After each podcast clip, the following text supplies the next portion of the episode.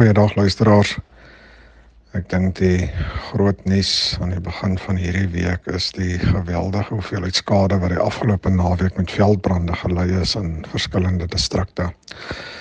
Ons is in Augustus maand en ons weet almal dis die hoofmaand van heersende winde en is die brandmaand en tog is Augustus amper verby en ons het relatief goed deur Augustus gekom.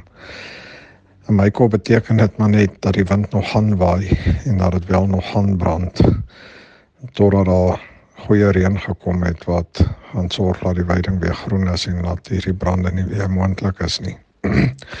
Ek dink die afgelope naweek se veldbrande behalwe vir die feit dat veiding daarmee weg is, moet ons ook verder gaan dink aan hierdie brande. Verlede jaar het ons 'n baie goeie reenseisoen in die meeste areas gehad wat beteken dat daar verskriklik baie materiaal op die veld is en dit veroorsaak dat hierdie brande baie warm is. Nou ek is nie 'n weidingkundige nie, maar die bietjie wat ek voorgraads van weidingkundige geleer het is dat hoe warmer hierdie brand is, hoe meer skade word ook, ek wil sê aan die wortelstelsels van die gras en die plante gerig en hoe langer hierdie veld vat om weer te herstel. So wanneer die reën kom en die veld weer begin uitloop, beteken dit nie dat alles weer goed en wel is nie. Produsente wat al hulle veiding verloor het, gaan hierdie veld baie lig moet belas aan die begin en verkieslik eintlik glad nie belas nie wat gaan beteken dat daar vir baie lang periodes voer nodig gaan wees of alternatiewe veiding gesoek moet word vir die diere wat tans nie veiding het nie.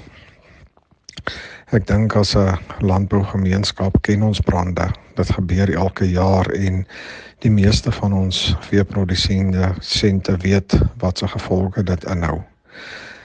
Ek dink die pleidooi op hierdie stadium is vir die produsente en daar graanprodusente ook wat voer beskikbaar het en dit dalk nie gaan gebruik nie om dit aan te meld om so die die produsente wat wel niks het nie deur hierdie moeilike tyd te help hierdie behoeftes soos ek genoem het gaan lanktermyn daar wees en ons kan ook ook kyk na ekstra veiding wat beskikbaar is om iemand in die korttermyn uit die nood uit te help.